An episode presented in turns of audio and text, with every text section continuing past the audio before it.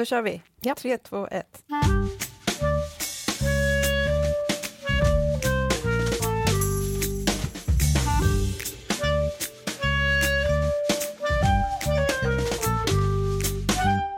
Hej och välkomna till veckans avsnitt av Kulturskymning. Tillbaka efter en eh, paus som vi inte behöver låtsas om så mycket mer än att säga välkommen tillbaka till redaktionen Hanna Fahl. Tack. Och även välkommen tillbaka in i studion, Kristoffer Ahlström. Tack. Jag heter Greta Thurfjell. Den här veckan ska vi prata om en Um, ska man säga det här? Det är en, det är en sci-fi-film, det är en, en sci-fi skräckis kan man säga, som heter Annihilation. Man måste uttala den på så larvig amerikanska. Det, känns, det finns liksom ingen normal försvenskad version av den titeln. Förutom då titeln Area X Annihilation som den heter på svenska. Det är en film som jag tänkte att Kristoffer Ahlström skulle kunna få börja och berätta lite om handlingen i. Så Ja. kommer vi in i det. Jag kan, jag kan dra den, det, det kanske blir lite omständligt nu, men det är för att det är en omständlig film som är berättad på ett omständligt sätt. Vi kan säga också innan vi börjar att eh, om ni inte har sett filmen på förhand så se den gärna för att vi kommer att take no prisoners när det kommer till att tala Ja, om slut och så absolut. vidare. Exakt. 100% Men, Som vanligt. Som men nu, nu drar jag bara själva förutsättningarna för Ja, filmens grundpremiss då. Varsågod. Eh, Natalie Portman spelar huvudrollen. Eh, hon heter Lina. Eh, hon är tidigare militär men numera biolog och undervisar på ett universitet, universitet om liksom celldelning, tumörbildningar och så vidare. Eh, hennes man, som också är militär, var så de träffades, eh, borta på ett hemligt uppdrag och har varit där väldigt länge. Hon har inte fått veta någonting, hon förutsätter att han är död. Hon börjar symboliskt nog måla om sitt sovrum, vilket man får liksom känna att här är en ny start på gång. Men då självklart kommer han bara inklivande genom dörren som ingenting. Extremt fåordig, märklig, ja, det finns liksom ingen närhet mellan dem. Eh, och sen dricker han vatten och plötsligt börjar han blöda, höll på att säga ur alla öppningar, men han blöder i vattnet i alla fall. Eh, börjar få kramper och liksom spotta blod. Eh, väldigt obehagligt allting. Ambulansen kommer och hämtar honom. Eh, på vägen dit så stoppas ambulansen av en massa så här, um, ja, militär special ops som är så här ljusskygga specialstyrkor som liksom tycker att hans kropp är så viktig för han, på grund av det uppdraget han varit på, så de fraktar Natalie Portman plus man till ett hemligt område som heter Area X, då, precis som Greta nämnde nyligen. Eh, och där får hon då veta att hennes man har varit på ett hemligt uppdrag i ja, en slags regnbågsskimrande zon eh, som har uppstått i Floridas träskmarker eh, på grund av ett meteornedslag. Och hennes man är då den enda som har kommit levande därifrån. De har skickat in jättemånga militärer sedan tidigare men ingen har kommit tillbaka levande. Det finns heller ingen liksom, band eller ljudupptagning för allting är bara helt scramblat och brusar och så. Så man har helt enkelt ingen aning vad som finns där inne.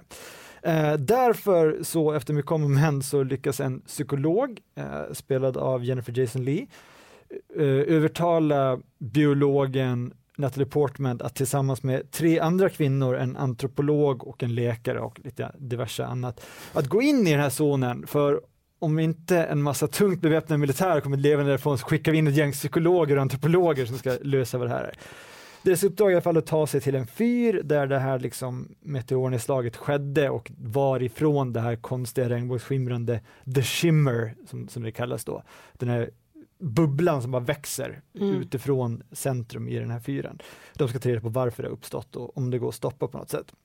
Eh, när de väl går in i den här zonen så upptäcker de då att alla lagar är satta ur spel. Det är liksom deras eh, kompasser funkar inte, de har inga koordinater. Ja, eh, de har plötsligt minnesluckor på tre, fyra dagar, de är väldigt desorienterade och framför allt så är det bildat som slags My Little Pony-tropisk regnskog som skimrar väldigt vackert i liksom olika ja, regnbågsspektrum helt enkelt. Eh, och allting muteras väldigt snabbt, liksom krokodilerna får hajtänder, björnar får liksom konstiga tapirliknande människoansikten och så vidare. Ja, och så börjar deras resa inåt mitten av zonen. Ja, Bra, Bra starkt sammanfattning. Ja, liten, lång, eh, men, liten ja. correction. Ja. Eh, hon är faktiskt inte läkare utan paramedic. Alltså det är väl typ Mm. ambulans, eh, Mm. Ja, ambulanspersonal. ambulansskötare, Ännu mindre logiskt att skicka in ambulanspersonal där, absolut. Ja. Mm, mm, absolut. Alex Garland som har eh, regisserat filmen och även skrivit manus efter förlaga av romanen av Jeff Vandermeer som också heter Annihilation, den första av tre i en serie, Mm. Southern Reach-serien. Mm. Vad var tidigare Alex Garland-upplevelser, Hanna? Ehm, jo, men jag uppskattar Alex Garland. Jag har inte sett allt han gjort, men jag har sett eh, The Beach och Ex-makarna.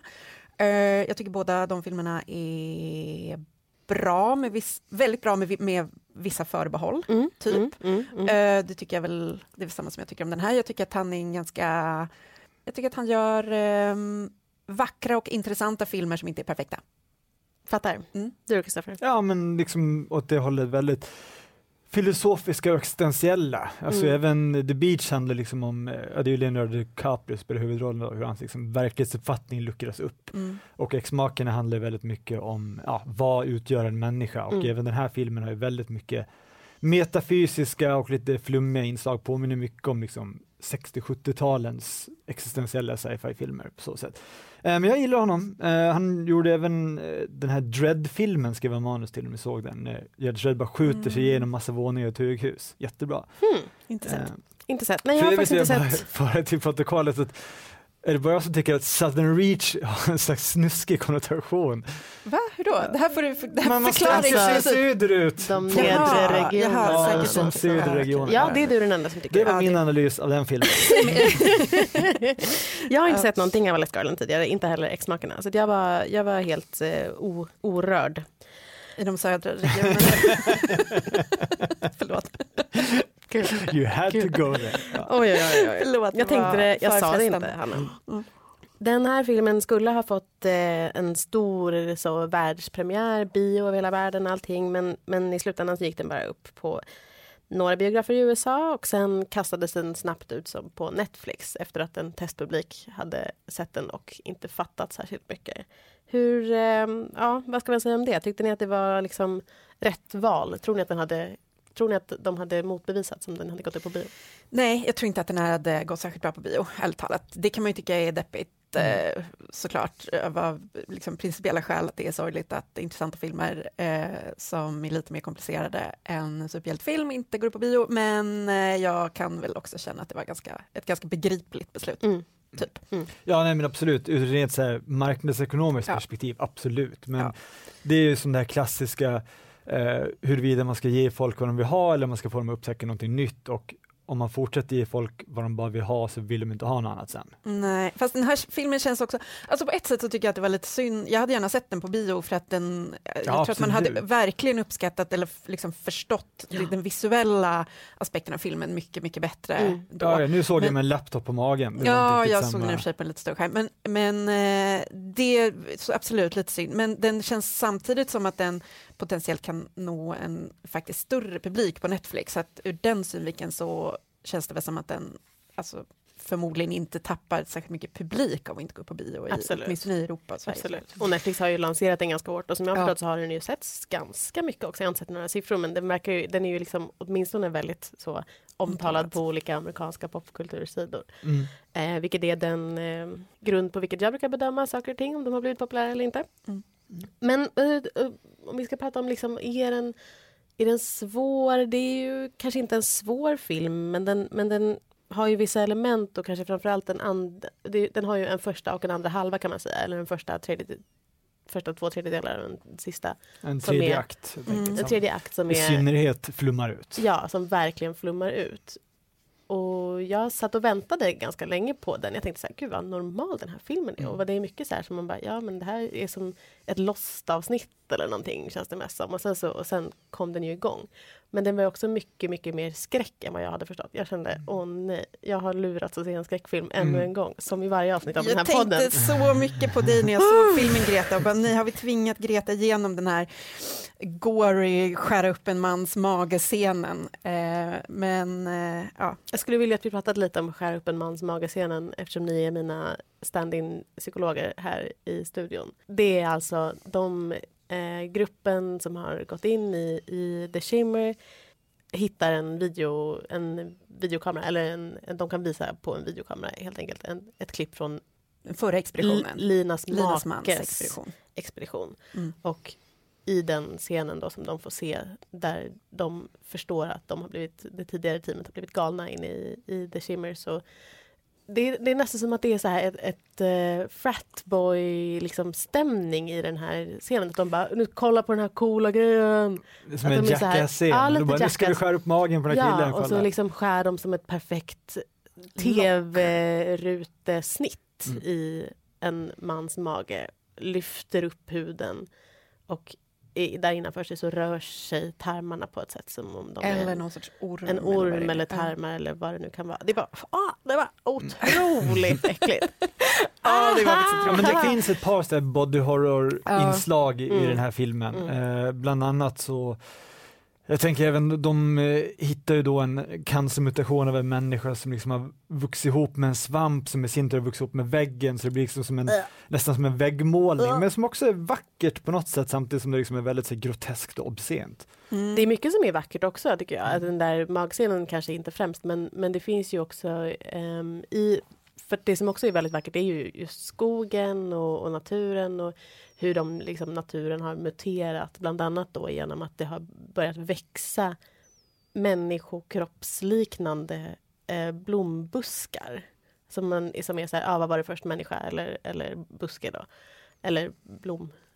Ja, jo, Det- men det är ju någon sorts total, total dekonstruktion av eh, eh, materian, Mm. eller av Alltså förklaringen till det här och som skissas fram är att det här skimret är någon sorts eh, prisma som bryter inte bara ljus utan även DNA Mm, och då frag fragmenterar verkligheten på ett sätt som då både blir otroligt vackert och sen väldigt snabbt övergår i det groteska. Mm. Men det är också så här, den grejen, det, den slutsatsen som hon, hon då drar av att så här, ja men precis som radiovågor når inte ut härifrån för att de liksom bryts och, och samma sätt med ljusvågorna bryts som i Prisma.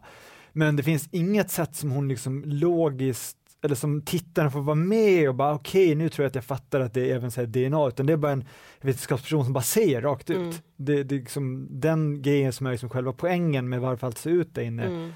Man får riktigt följa med i tankegången utan det är bara ah, okej, så var det. Så Nej, det är ju väldigt lite sånt överlag. För Mm. att vara en eh, biolog och en bla bla bla hit och dit så är det ju väldigt lite eh, Star Lite Trek-förklaring. Så är det väldigt Ja. lite förklaringar. Det här är absolut inte den filmen när man får följa med in i labbet där de gör experimenten som kommer, långsamt kommer fram till. Alltså det är det ju Förutom inte. där man får följa med in i labbet när hon sitter och kollar på, en, en, på olika uppförstoringar av, Jo, av precis. eh, Men- celler. Men, men det är ju det väldigt, det det är ju mer artsy än Ja, förklarande. precis. Ja. Eh, det här är ju absolut en... Det, precis, det är ju för den visuella effekten snarare än för liksom, den logiska Ja. effekten. I Ja. Ehm, Ska vi prata lite om den här gruppen, fem kvinnor som går in i zonen?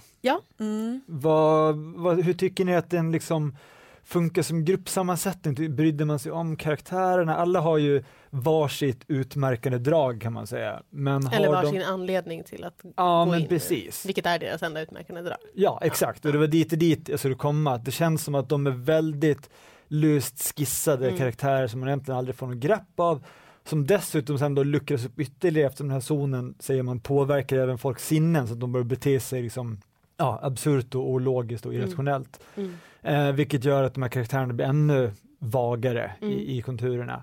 Eh, men jag tänker också så här för att en stor poäng och också som man får anta är liksom eh, titelns eh, ursprung eller syftning till är att var och en av de här kvinnorna har ett slags självutplånande drag. Eh, till exempel Natalie Portman har varit otrogen, hon har liksom förstört sitt äktenskap. Eh, psykologen Jennifer Jason Lee har cancer och är döende av det. Eh, en är alkoholist, en skär sig själv i armarna, en har mist sitt barn. Så alla Mm. har liksom det, det görs en poäng av det i filmen att vi rör oss ständigt mot självutplåning. Mm. Liksom Ja, precis, och inte bara kvinnorna i filmen utan alla människor. Vilket Ja. Jennifer Jason Lee, Dr. Ventress säger i en scen också. Mm. att det är Men här har de någonting verkligen så fem oss. tydliga drag som att man har förstört, eh, någonting är förstört för en i livet. Ja, det är ju som sagt skissat med, de är skissade med väldigt breda drag. Men här, här, jag kan nästan inte undgå att, att komma in på boken nu, har, för du har läst den va, Kristoffer? Nej, jag bara Nej. snabbskummat. Okej, ingen av er har Nej. läst boken? Nej, Ja, nej, men jag ville här- att du skulle okej. berätta om boken. Då har går du läst, boken. Har du Jag läst har den läst- första boken? Jag har läst alla tre böckerna. Okej. eh, Jeff Vandermeers eh, trilogi. Det här är intressant för att i, i, i boken så är ju de här eh, kvinnorna eh, det är inte exakt samma rollfigurer, nästan samma rollfigurer.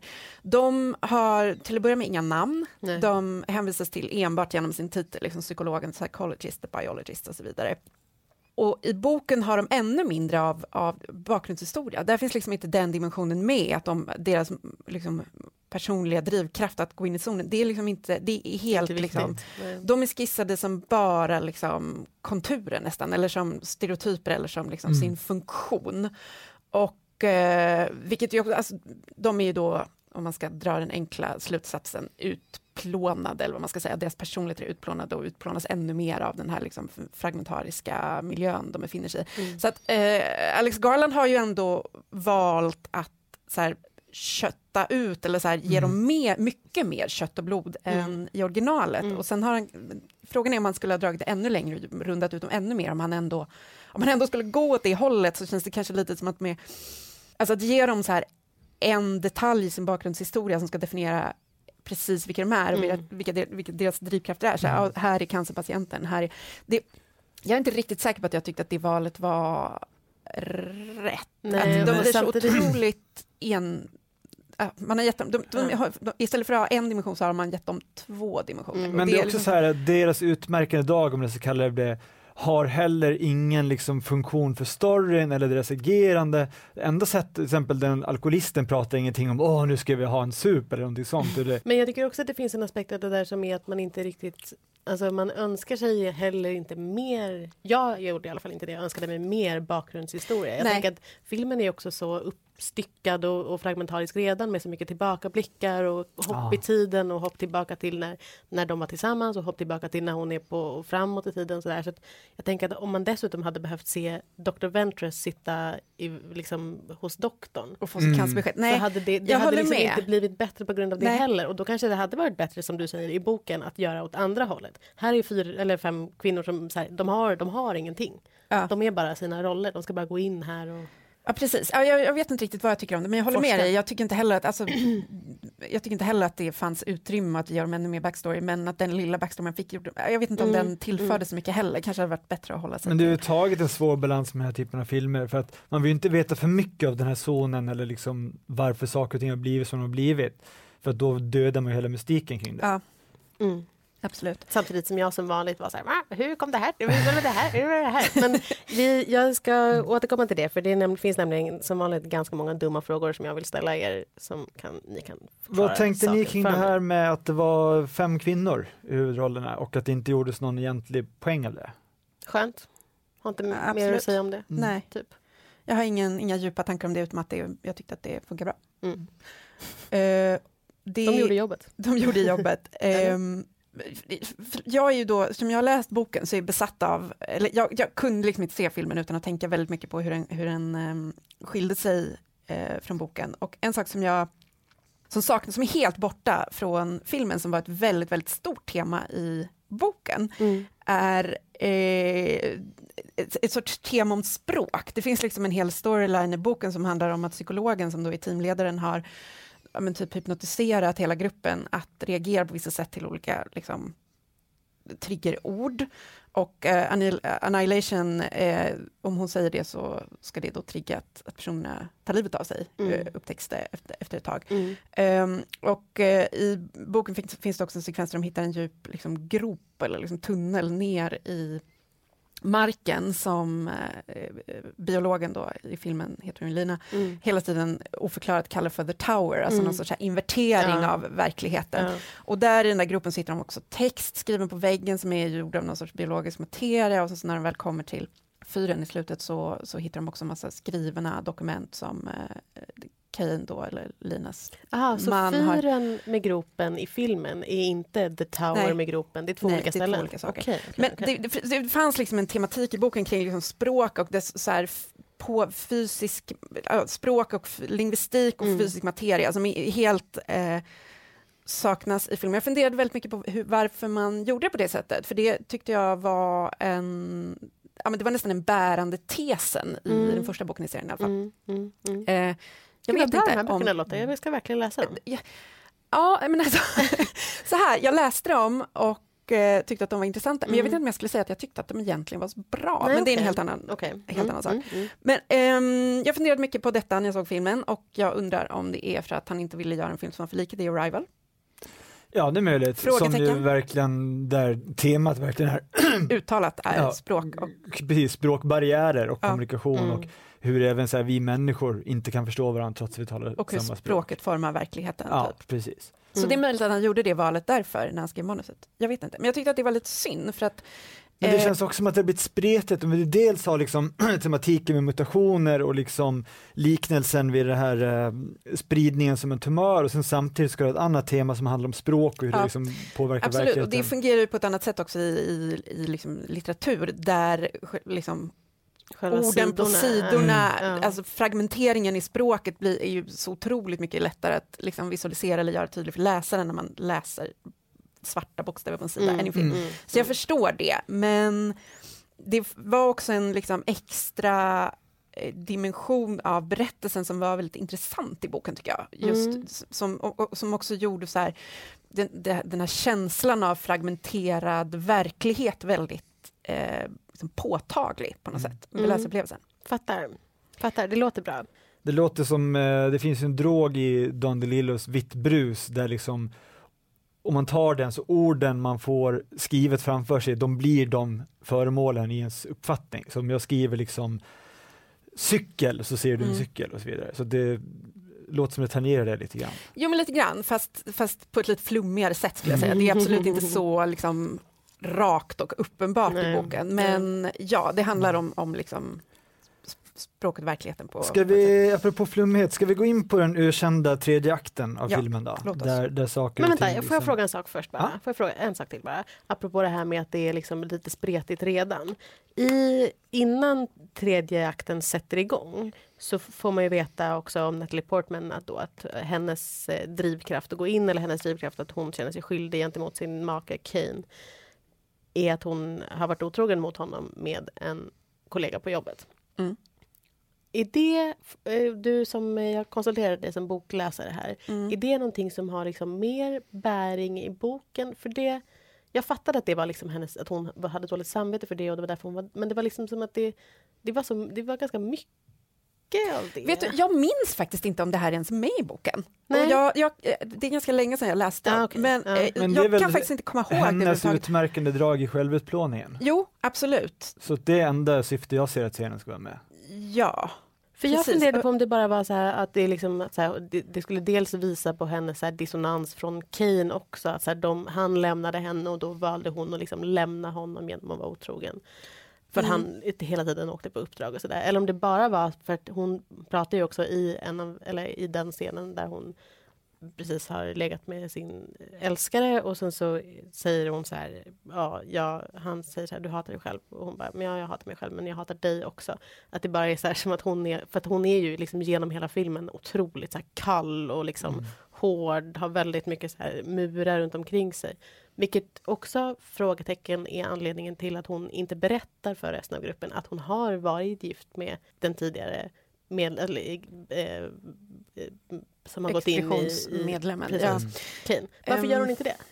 Ja, nej, det, jag håller med om att det är ganska oklart. Liksom, det Vad är det- vad är så här så jävla psyko- med psykologiska det? mekanismerna där. Eh, Varför, varför är både eh, Dr. Ventress och hon säger nej, det ska vi inte berätta, konspirerar typ mot gruppen. nej, Och varför blir sen varför blir sen um, Anja, Gina Rodriguez karaktär, så arg för det?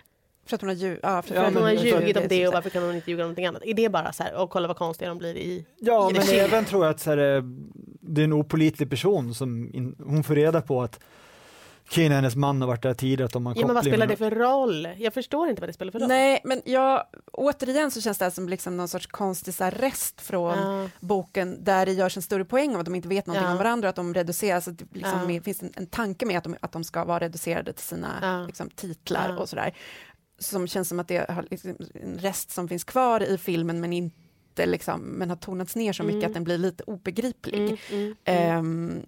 Men funktionen som den där historien fyller, fyller i filmen är ju som du säger Greta ganska enkel. Mm. Att det är så här hennes självskadebeteende. liksom, att de mm, i princip alla har någon form av så här självskadebeteende som Mm. leder dem till det här liksom, längtan efter upplösning. Ja, men för det var det jag inte fattade då, varför eh, Anja inte tycker att hon får ha en anledning när alla andra har anledningar. Be it. Ja, nej, jag håller med. Jag, håller med. jag tycker inte att det där är helt eh, logiskt. Ah, Okej, nej jag fattar. Jag går vidare. Logisk lucka. Logiskt. Ska vi gå in på tredje? Ja, Ja, äntligen tack. Kristoffer. Tack. Eh, ja, vad som händer då är att gruppen har ju på klassiskt sci-fi skräckismanér decimerats. En efter en så plockas de bort. Ja, det är mest dels en björn som ligger bakom det, som, som dödar i alla fall två av eh, medlemmarna. Tuva Novotny, som vi kanske inte ens har nämnt, spelar en av eh, karaktärerna, eh, dödas då först. Välkommen tillbaka. Driva Notny. Ja, och hej då, där skrevs det ur filmen. Eh, ja, dör brutalt, blir mm, eh, ja, angripen av en björn.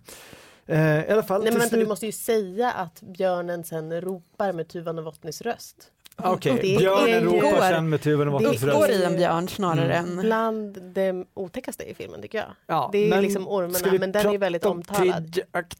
Mm, Ja, ja, okej, okej, tredje akten. Ja, de har decimerat, skaran är decimerad. Yes. Ja. kvar är bara då eh, Natalie Portman och Jennifer Jason Leigh som har försvunnit någonstans. Mm. Och trots då att eh, koordinaterna inte funkar och kompassen inte funkar och kartan rimligtvis inte borde funka eftersom hela miljön är så omdanad så lyckas hon ta sig till det här eh, fyrhuset. Eh, hon går in där och där hittar man liksom, hon hittar en videokamera eh, som är riktad mot en förkolnad människofigur som sitter i lotusställning och liksom man ser så här sprängrester och, och så runt om den. Mm. Hon hittar även ett hål i väggen som ser ut typ som en blandning av så här kaninhålet i Alice i Underlandet och ja, man får väl liksom freudianska kopplingar kan man säga, för det leder sedan in i en, en gång som sen vidgar sig i någon livmoderliknande Mm, mm. Rum och i det rummet så sitter då Jennifer Jason Leigh och ja, pratar nonsens kan man säga. Eh, man får väl anta liksom att hon har blivit så påverkad av den här eh, zonens eh, fragmentarisering att hon kan inte prata sammanhängande längre. Mm. Eh, och sen upplöses hon i här låter extremt David Lynch, men upplöser, upplöser en massa svävande flytande blobbar. Det är ju väldigt David Lynch. Ja, Även till det du ska komma till nu. Alltså i, i speglingarna och två versioner av samma Ja, ja, person. ja, du tänkte på det. okej. Av de här blobbarna sen då formas till en märklig portal som vidgar sig mot Natalie Portman. Eh, en blodsdroppe från Natalie Portman sugs in i den här portalen och ur den föds sedan någon märklig slags humanoid dubbelgångare till Natalie Portman som samtidigt ser mer ut som någon så här eh, ravar i regnbågsskimrande bodysuit som Mm. liksom imiterar varje hennes rörelse så uppstår de så här, eh, det finns en klassisk scen i Bröderna Marx när så här, eh, Groucho står framför, han tror att han står framför spegeln men egentligen är en person på andra sidan som försöker imitera exakt vad han gör och det är väl precis vad som händer i den här fyren mellan Natalie Portman och vad som kanske är en utomjording. Ja, och Natalie Portman har ju då, Lina har ju då förstått att den här förkolnade figuren, det kanske vi ska nämna också, är hennes... ja, hon tittar eh, på bandet kan man säga. Hon tittar på bandet och, och förstår att det är hennes make. Och eh, I band, på bandet syns också hennes make igen när ja, maken en har sprängt sig Så själv. hon, En hon förstår väl att Mm. då, den- som har kommit tillbaka inte var hennes make. Då, och då utspelar sig ju någon sorts här, koreograferad liksom, Mm. danssekvens mellan Natalie Portman och hennes rave-dubbelgångare. Väldigt. Sia Chandeliersk dans. ja, eh, absolut, det kan man säga. Man ska Eh, också som- nämna att varje gång utomjordingen rör sig så låter den som en här, mm, mm, mm, lite spesiga ljud. Ja. Mm. Otroligt bra filmmusik Mm. är det. det kulminerar i att eh, Lina, Natalie Portman, försöker springa mot dörren. Hennes dubbelgångare springer efter, pressar sig mot henne i en väldigt eh, obehaglig scen, tyckte Mm. jag, mot dörren som var någon sorts del, dels omfamning som övergår eller också är någon sorts här övergreppsscen. Jag tyckte att det kändes väldigt våldtäktigt. Ja, du sa Mm. våldtäkt. Jag tänkte mer att det var som en eh, lite övertydlig symbolik för att hon liksom blir fångad under sin egen vikt eller så här nedpressad av sig själv. Att det är så här, Ja. att, att symboliken är att så här, allt var mitt fel och så här, den här personen försöker så kvä, Mm. jag själv försöker kväva mig här. Liksom, jag är fångad i mig själv på något sätt. Mm. Mm. Mm. Både och Mm, kanske. mm, mm. Och sen, Ehm, sen kollapsar både... hon blir nedslagen av Mm. den här regnbågsfiguren och svimmar och vaknar sen upp kommer på något slags sätt att just det, det fanns ju en oexploderad, odetonerad granat på den här kroppen som har sprängts i luften av en granat som hon sen tar och sen har de någon slags här, både hon och hennes dubbelgångare som blir mer lik henne hela tiden ska man säga. Den liksom mm. börjar imitera hennes beteende och utseende. Eh, och då rycker Natalie Portman sprinten ur den här fosforgranaten och rusar mot dörren. Kvar står den här regnbågsfiguren som nu ser exakt ut som Natalie Portman och sprängs i luften. Ja. Och sen är hon tillbaka i en förhörsscen med en person som heter Lomax, spelad av Benedict Wong, som har på sig en sån här hazmat suit, skyddsdräkt, där han liksom intervjuar henne om vad som hände inne egentligen. Det som också händer innan hon kommer tillbaka, eller innan hon kommer ut ur skimret, vilket man inte får se, är att hela fyren och allting runt omkring eh, att den här dubbelgångaren liksom sätter eld på allting, medvetet eller inte medvetet. Går och rör mot, på olika saker så att de börjar brinna och allting börjar brinna upp och skimret löses upp, mm. försvinner. Mm. Och sen vaknar då även hennes man upp när allt det här har brunnit ner inne i zonen. Um, ja. Och eh, de återförenas i en kram. Um, hon är väl någonstans, med, någonstans medveten om att uh, det inte är han på riktigt som frågar så här, är du Kane? Och han säger jag tror inte det. Jag, jag vet inte. Uh, jag tror inte det, säger okay. sen. Mm. Och sen kramas de och då zoomar kameran in på Natalie Portmans ögon som har fått ett regnbågslikt skimmer i regnbågshinnan. Vilket även hans ja. ögon har. Man zoomar in på båda ögonen. Mm, då skulle jag vilja fråga er. Mm. så här. Eftersom man då kan liksom ha dragit slutsatsen att det inte var riktiga Kane som kom tillbaka utan, utan dubbelgångar-Kane, mm. spegel-Kane. Men ska man anta att det också var spegel-Lina som kom tillbaka? För att eftersom de under den här dansen då, eller slagsmålscenen eller vad man ska säga, flera gånger så, så tuppar ju Lina av. Mm. Så det kan ju också vara så att de under den här, de här liksom mörka partierna har bytts ut och att det är liksom att allting, eftersom allting speglar varandra, att man vet inte vem av dem som är vem, vilken av dem som har kommit ut. Samtidigt så, så är ju när, när riktiga, li, riktiga Lina sätter eld på metalllina så reagerar inte hon på samma sätt som riktiga Kane. Alltså hon brinner, hon liksom exploderar inte bara och förkolnas utan det, det händer istället den här vackra mm. scenen med, där, där metallen går runt. Ja, där ska vi säga att den inre logiken brister. Tolkning, tolkning. Ja, för, alltså min tolkning är ju att, eh, eller det man, jag tror att filmen vill att man ska tänka är att det inte är den riktiga Lina som kommer tillbaka mm. på samma sätt mm, som det inte var den riktiga Kane på samma sätt som en cancertumör är en cell som delar sig och förintar den friska cellen. Mm. Och att liksom det här utomjordiska då är en metafor för liksom tumörer och, och cancer. Eh, men jag håller med om att jag tycker att det är lite eh, klumpigt och vagt. Just alltså jag förstår att, det är, att meningen inte är att man ska fatta så här, jaha, men jag tycker mm. ändå att det finns någonting i så här, hur man har valt att berätta det som är lite otydligt. Det finns också en annan scen där jag läste en eh, klassisk think piece, säkert på Vulture, där någon sa att det är vattnet som Lina... Det finns en, en scen i slutet, förhörsscen, där Lina dricker ett glas vatten som speglar en tidigare scen där ja, men som du nämnde tidigare, där Kane dricker ett glas vatten och börjar blöda i mm. vattnet. Och då förstår man att det är något lurt på gång. Liksom. Mm. Han blir sjuk och när Lina har druckit vatten, ställer ner vattenglaset igen så tittar hon på vattenglaset. Det är inget, vatt, det är liksom inget blod där i, men den ser den liknar för att hon har, liksom, har handen bakom och i tidigare så har hon suttit och hållit handen mycket. Ja, det är väldigt mycket så. Den ska, den ska likna den andra. Men jag tolkade den liksom, speglingen av de scenerna som att Lina inte blödde Nej. och därför inte reagerade på samma sätt som Kane när han kom tillbaka från The Shimmer. Och att Om inte hon är en förbättrad hybrid som kan överleva utanför skimret som han inte kunde göra. Mm. Mm. Eller är det för, eh, är det, eller är det för att skimret inte finns okej, nu går vi kvar längre? Ja precis, skimret var ju det som, att skimret, när skimret slutade existera så blev ju Kane, mm. slutade, han var döende mm. och det skulle mm. väl, ja. men ehm, Så det lever vidare i dem som båda är från skimret så att ja, säga. precis. Ja, nej jag håller med, jag tycker inte heller, det, är inte, det här är inte en film där den inre logiken håller för eh, särskilt nära granskning. Men jag tolkade det absolut som att man skulle lämnas med insikten, okej, okay, det var nog inte den riktiga linan.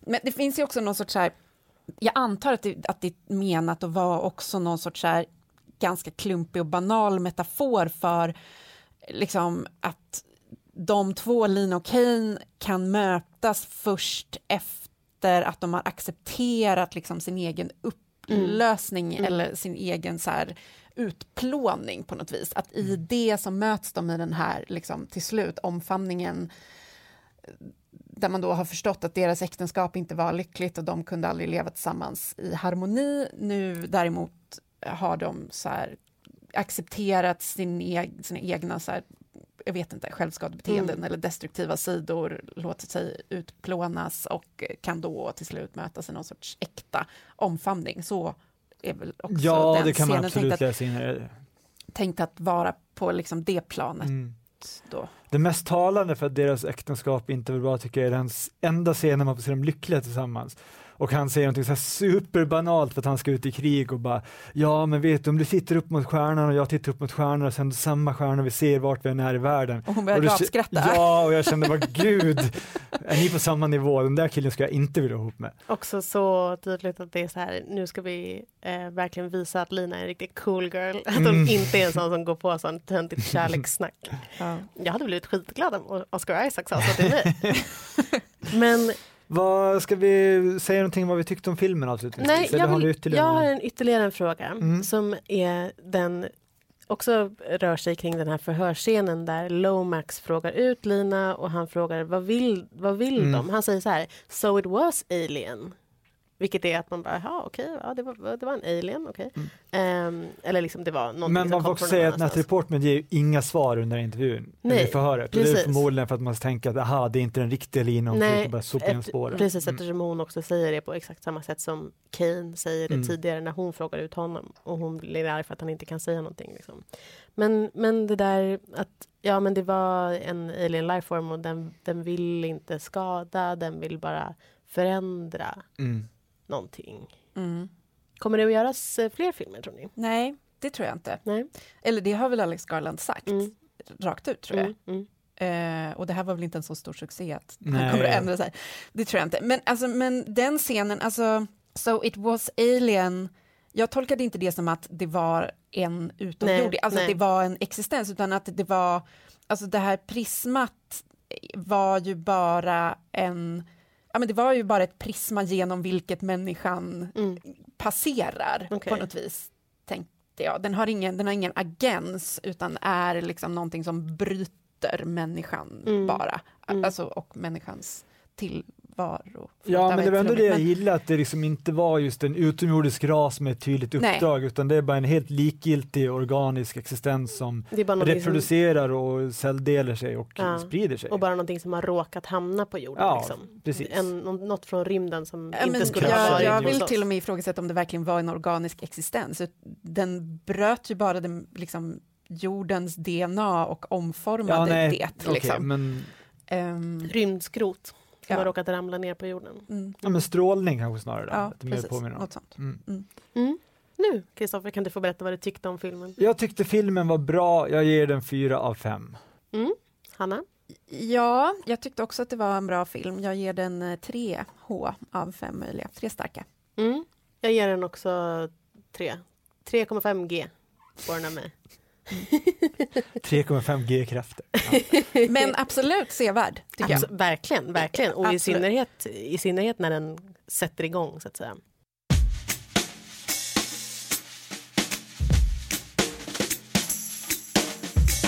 Med det går vi vidare till det traditionella inslaget Veckans kulturskymning. Och veckans kulturskymning tänkte jag den här veckan att Hanna ska få berätta om vad det är. Ja, eh, i veckan eh, skickade Dagens Industri ut en pushnotis som bestod av orden terror överallt. Just nu, Just kolon, nu, kolon. terror överallt. Terror överallt. Det här var ju ett misstag. Eh, oklart, om Eller? Eller oklart om exakta detaljerna kring hur det här misstaget gick till, men det har väl själva sagt att det liksom blev fel när man testade push-funktionen. Och ehm, De skrev i, på, på, de skickade ut en till push kort därefter där de, Ja. där de sa eh, vissa har fått fel, en felaktig push, vi ber om ursäkt. Ja. Där de också skrev att det, det är en push som ser ut att komma från Dagens Industri. Vilket, ja, jo, men Den den gjorde gjorde, ju- den den gjorde, gjorde faktiskt, faktiskt det. det. Den gjorde faktiskt men i alla fall, det här på... So it was alien. Ja, det här påminde mig eh, alltså jag, man kan gissa att det är någon som skulle, de skulle här, testa push-funktionen på något sätt. Någon skulle vara citat, lite kul när den valde vad som skulle stå i pushen. Mm. Kanske Som stod det någon bredvid som den ville Ja, få som den ville, precis, som den ville få fnissa och så råkade den här skickas ut då på riktigt. Påminner väldigt mycket om när Sveriges Radio råkade publicera en nyhetsartikel med rubriken Eh, Nobelpriset går till Passivo Aggressivo som var en underbar eh, publicering. Den var inte lika roligaste. domedagsbetonad som eh, Jag ska säga att jag har läst alla passiva aggressivas böcker. Absolut värdevinnare. Det var också någon som skulle vara citat, lite kul när den skrev in liksom så här dummig text i, i systemet och eh, sen gick det åt helvete. Eh, visar lite på faran på att försöka vara lite kul på jobbet. Ja, Eh, verkligen. typ. Det går alltid fel. Det går alltid det vet fel. vi här på DN Kultur. Det går alltid Det går alltid fel. fel. När man, Och ja, man kan verkligen, verkligen också se framför sig hur de här situationerna har gått till, precis som du säger Greta, det är någon som står bredvid och man vill så här, va, visa Mm. att man är, har lite, här är, jag är någon som har självdistans. Ja, och också så Här- här, jag lever on the edge. jag lever on the edge, Ja. det finns också här, när som helst kan någon råka trycka på knappen och sen så är det någon som råkar trycka på knappen. Jag tänkte på det som hände i somras när jag låg på min uteplats i godan ro och Hesa Fredrik plötsligt började bröla typ en onsdag kväll klockan 22. Vi, alltså Söndag då- kväll var det. Var det söndag kväll till och med? Ja, Ja, ja. herregud, ännu mer traumatiskt. Ja. Ja. Eh, och då var det också så här att någon hade råkat skicka iväg den av misstag. Det är så här, men å andra sidan, pushen just nu, terror överallt var ändå inte så här, eh, det var ingenting man riktigt kunde ta på allvar. Nej, man fattade ju Nej, att det alltså, inte var... Ja. VMA-larmet var ju ganska otäckt på riktigt. Ja, eftersom det också exakt. tog ganska lång tid innan man fick veta. DN var först, men, men det, det tog ändå några minuter innan man fick veta att det var inte krig i Sverige. Men Mm. terror överallt, alltså, man fattar ju när man läser den, okej det är inte terror överallt, jag har heller inte Dagens Industri pushar på så att jag Mm. ser inte när de kommer. Men det är, li, det är ändå lite obehagligare tycker jag än passiv aggressiva till exempel. alltså, det är någonting det som också det. att så här, det, var, det var väldigt så här, hö, i stämning på redaktionen när det här började spridas på Twitter främst. Men ändå som jag bara, "Mm, det är lite läskigt ändå, eller? Ja, jo, absolut. Alltså man hade lika gärna kunnat skriva, jag vet inte, terror på Elm Street. Götgatan. Men, ja, precis. Men alltså, vad vi lär oss av det här är väl att bara, men, vi får bara all, all, skärp till er, skärp till Vi kan inte hålla på så där. Är det test så får man skriva test. Test. I Testar! texten. Test terror överallt. Kanske var man något i För att frukost. återknyta till eh, filmen, eller boken eh, Annihilation, språk har betydelse för verkligheten, sluta skoja med det. Typ. Mycket bra. Tack. Med det säger vi eh, tack för den här veckan. Tack till Hanna Fahl, tack till Kristoffer Ahlström. Jag heter Greta Thurfjell. Hej då! Hej då.